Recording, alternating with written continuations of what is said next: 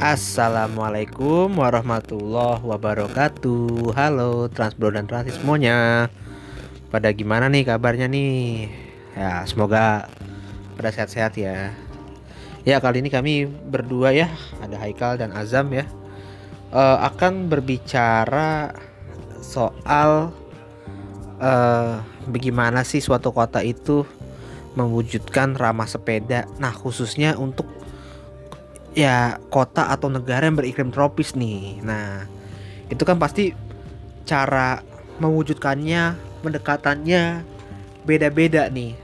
Baik itu sarana dan prasarananya. Nah, tapi sebelum itu nih ada Azam eh, akan bercerita tentang eh, negara negara-negara di Eropa. Ini gimana sih awal mulanya menjadi ramah bersepeda? Mungkin dari Azam ada berapa studi kasus Zam? Lu punya? Oke, jadi nih Kal, ada dua kota nih Oh, dua. Gue Sulit. bakal dongengin. Oke.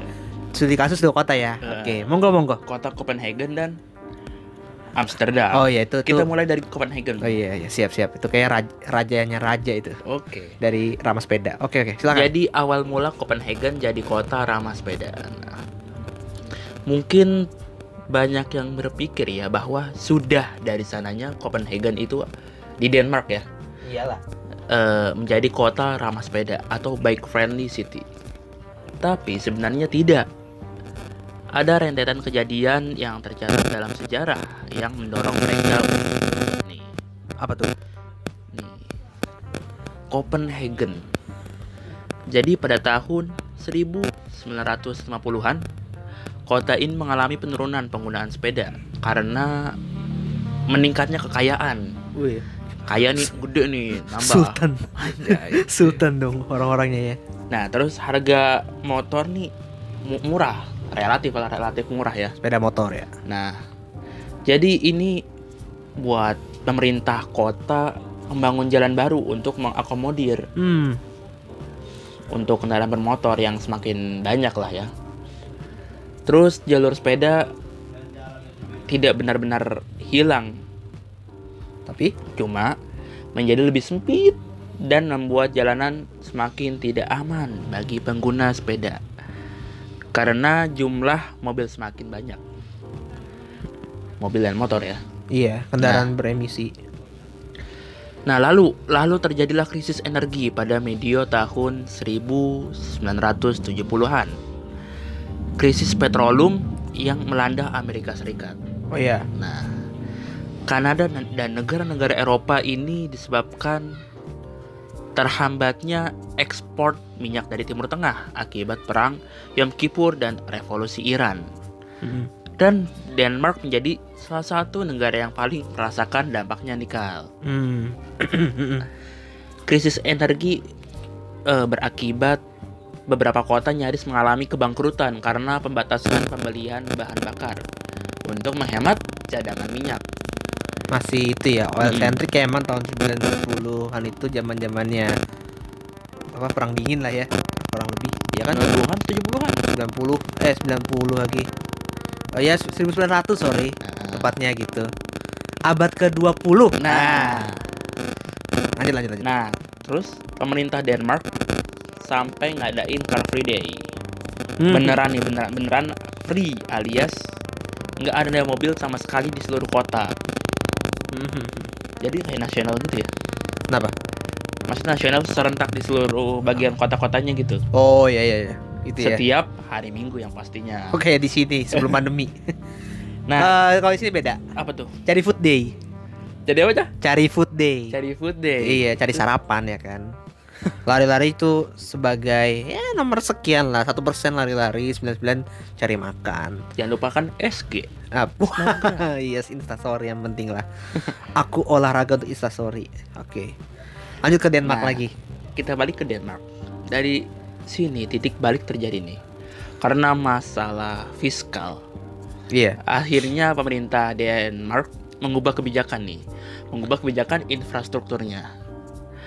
Dari yang pro kendaraan bermotor kembali ke infrastruktur temurah. Hmm. Yaitu untuk pejalan kaki dan penggunaan sepeda. oh ngepresin Pengguna budget sepeda ya. ngepresin budget ya Iya. kan biaya, biaya investasinya nggak terlalu besar gitu loh Ada yang balikan nih. Balikan CLBK anjrit. terus terus terus. Jadi hal ini juga tidak lepas dari dorongan komunitas masyarakat untuk menghidupkan lagi pengguna sepeda sebagai sarana transportasi. Nah, komunitas tuh kalau. Mm-mm. Nah, terus sejak saat itu mereka tidak pernah lagi melihat ke belakang. Kebijakan pembangunan transportasi dan mobilitas berpusat pada mobilitas manusia dengan menempatkan pejalan kaki dan pengguna sepeda sebagai prioritas, Prioritas. utama. Nah, ingat tadi. Ya, Iya. maksudnya ingat yang waktu itu kita sebutkan bahwa piramida terbalik. Iya, lagi-lagi itu lagi itu lagi. Emang tuh paling dasar itu itu tuh hierarki itu. Iya iya iya. Iya setuju gue dengan itu sih. Jadi si Denmark ini never looking back lagi ya gitu ya. Kayak udahlah gitu itu itu kelamnya mereka gitu. Dan gue setuju sih kalau misalnya kota ini atau negara ini tuh eh mau mengepres budget investasi nggak usah lah kayak bikin proyek-proyek mercusuar yang kadang emang ada beberapa perspektif ngomongnya sih ya ini kan untuk jangka panjang. Ya ada memang. Tapi kudu dipilah-pilah dulu gitu loh. Untuk transportasi ini kayak misalnya yang untuk perkotaan ini supaya seamless bagaimana sih? Ya itu salah satunya balik ke hierarkinya itu. Hierarkinya si pengguna jalan itu ya Zam ya? Betul. betul ya. Nah jadi yang diutamakan adalah eh pejalan kaki dan bersepeda itu paling paling murah gitu loh. Karena ya satu prioritas karena ya nyawa gitu loh. Nyawa bro nggak bisa diganti. Kalau transportasi umum banyak gitu. Oke lah nyawa jadi masalah juga. Tapi kan luka-luka gitu ya kalau misalnya kecelakaan gitu. Ya paling ganti body asuransi ada gitu. Dan itu juga apa kalau transportasi publik nih ya. Transportasi publik itu juga budgetnya juga macam-macam gitu ya. Kalau paling murah ya paling kalau di sini ya angkot. Kalau atau enggak bis BRT gitu. Oke lanjut lagi ke kota selanjutnya jam Eh, apa tadi Amsterdam ya Iya, kota selanjutnya yang gua dongengin nih. Oke, pengen dongeng. ceritain. Iya. Barangkali bisa jadi terbuka pikiran kita lah. baik baik Asik. Nah, Amsterdam. Nah, seiring perkembangan pesat perekonomian Belanda pasca Perang Dunia nih, satu atau dua kurang tahu juga sih satu atau dua. kayak dua ya Kayaknya dua sih, kan ini kan pasca. pas ya Semakin Paling banyak warga nih yang mampu membeli mobil dan pada akhirnya membuat pengambil kebijakan memandang mobil ini sebagai moda transportasi masa depan. oh ya, ya. Hal ini di- sampai pada titik ekstrim di mana banyak wilayah kota diubah menjadi jalan untuk lalu lintas kendaraan bermotor dan, Setuju. ga- setuju setuju Iya. bener-bener gue pernah dengar tuh dan gagasan umum yang beredar adalah bahwa sepeda pada akhirnya tidak akan pernah digunakan lagi. wow wow Tapi nih Kal, sayangnya hal tersebut ternyata menimbulkan dampak yang nggak menyenangkan. kenapa Ya kecelakaan lalu lintas. Iya, lagi-lagi. Semakin sering terjadi, mencapai puncaknya pada tahun 1971 nih. road safety mas Iya, di mana saat itu tercatat 3.300 kematian Mhm. akibat laka lantas yang 400 di antaranya adalah anak-anak. anak-anak Hmm. tidak ramah anak-anak jadinya ya Iya benar. Hmm. Jadi hal ini menjadi isu sangat meresahkan ya bagi warga dan kemudian muncul sebuah gerakan protes bernama Stop the Kindermord yang bisa kita artikan hentikan pembunuhan anak. wow Wah, wah, wah. karena kecelakaan lalu lintas itu ya Betul. mobil tidak ramah anak betul Nah, selanjutnya tahun 1970-an nih Hmm. adalah tahun di mana banyak terjadi aksi protes dan pembangkangan sipil di Belanda. wow wow wow Para pendukung gerakan Stop the Kindermord juga melakukan banyak hal seperti mengadakan demonstrasi sepeda, Mhm. menduduki titik hitam, lokasi paling banyak terjadi ya kecelakaan, Hmm. dan mengorganisir hari-hari khusus di mana jalan-jalan ditutup untuk memungkinkan anak-anak bermain dengan aman. yo yo Itu langkah-langkahnya dari masyarakat sendiri ya. Menariknya para polisi justru berpihak pada apa yang mereka lakukan. para protes itu Iya, mereka membantu nih, membantu pengamanan jalan. Hmm, Pada periode tersebut sih pemerintah Belanda sangat mudah diakses oleh warganya. Para penggerak SDK atau yang tadi juga melakukan komunikasi dengan anggota parlemen mengenai apa yang terjadi, eh, apa yang menjadi kekhawatiran mereka dan menyampaikan usulan. Semua kekhawatiran dan usulan itu didengar, didengar nih. Hmm, sama wakil rakyat. Iya. Iya. Apa tuh kalau dulu tuh zaman Hindia Belanda for apa? gitu lah pokoknya depannya V kalau Volksraad, Volksraad. Ah iya betul. Apa DPR zaman Hindia Belanda Volksraad ya. Terus terus Jadi didengar nih. Hmm. Bahkan pemerintah Belanda mendukung SDK. Mm-mm. Iya. Jadi Mendukung mereka. jadi itu uh, para SJW SJW ya kalau bahasa sekarang gitu ya. SJW. SJW SJW uh, mengusulkan uh, kembalinya kultur bersepeda gitu ya. Kultur bersepeda dikembalikan lagi dan akhirnya berhasil tuh ya. Terus gimana tuh? Nah, para pemangku kebijakan memberi mereka kantor dan mensubsidi setiap kegiatan yang mereka lakukan. Jadi ya hal ini beberapa tahun kemudian mendorong lahirnya persatuan pengendara sepeda pertama di Belanda. Mereka lah yang kemudian lebih aktif lagi bergerak dan mendorong diwujudkannya infrastruktur yang lebih baik bagi pengguna sepeda bermobilitas. Nah, ya seperti halnya Denmark dan Copenhagen. ya itu sama dong. Oh iya sama ya, Iya lah Anda. Belanda dan Amsterdam. Sama juga. Nah, Nah, layaknya Copenhagen saja.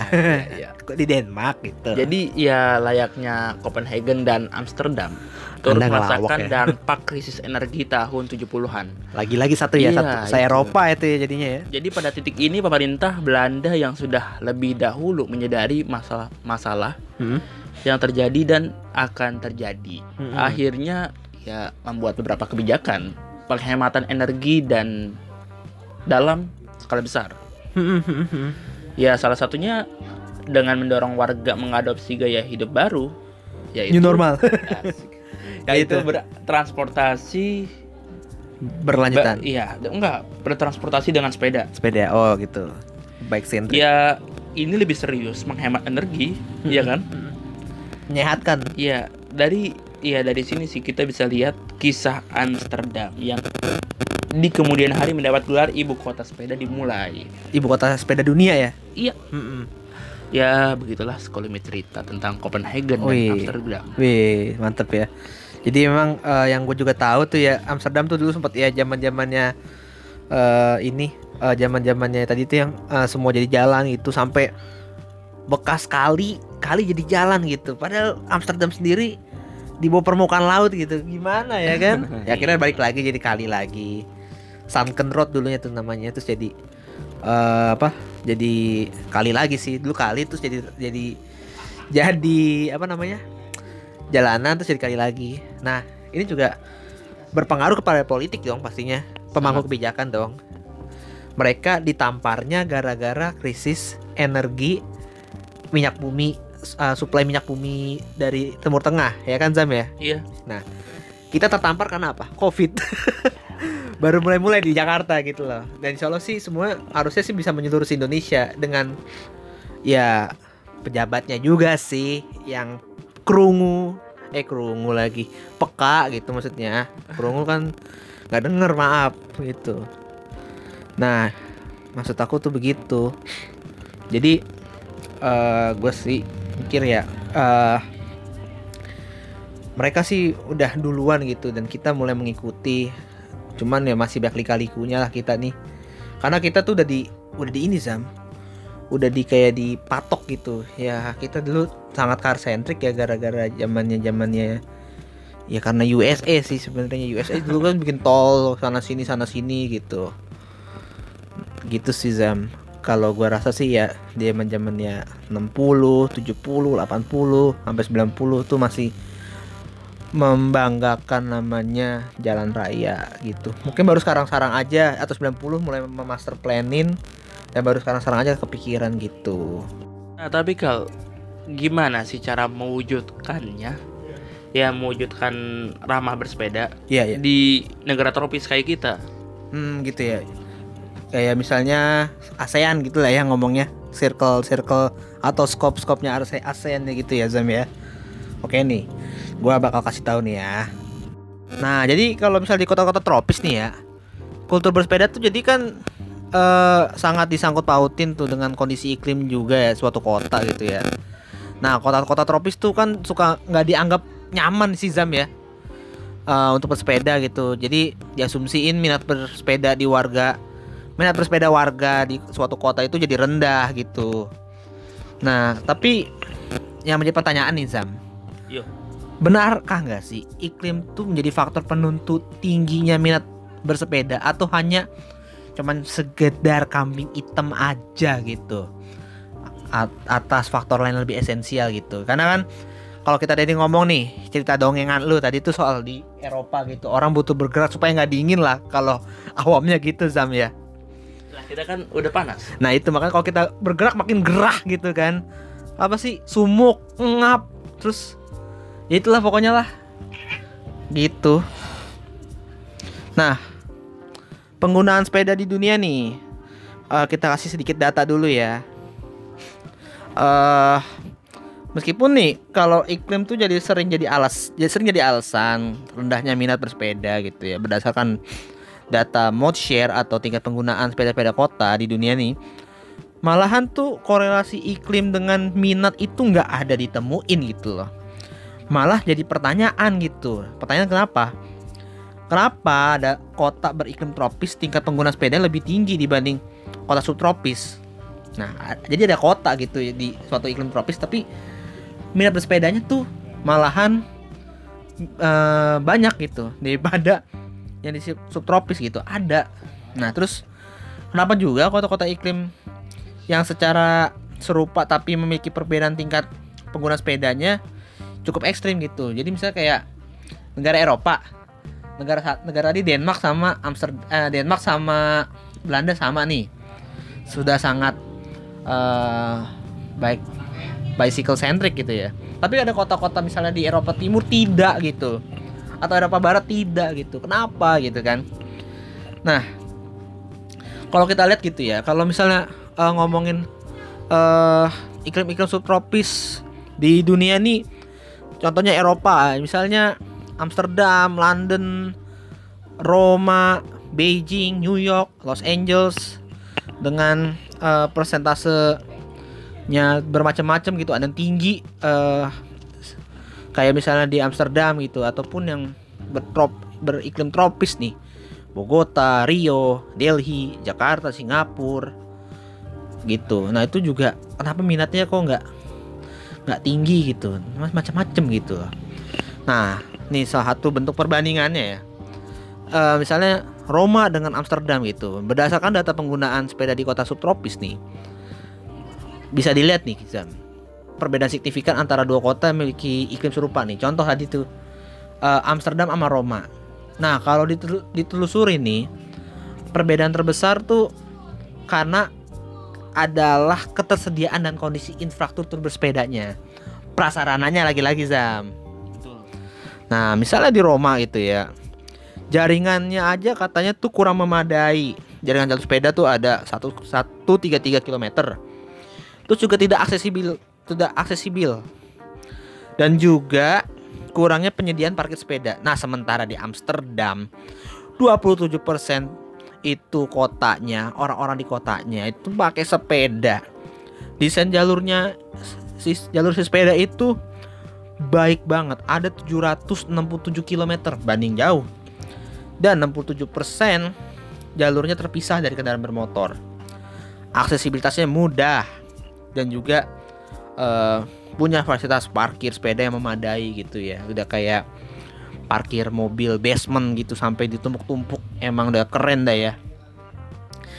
Nah, sekarang kita ngomong ke yang kota beriklim tropis. Contoh adalah Singapura gitu.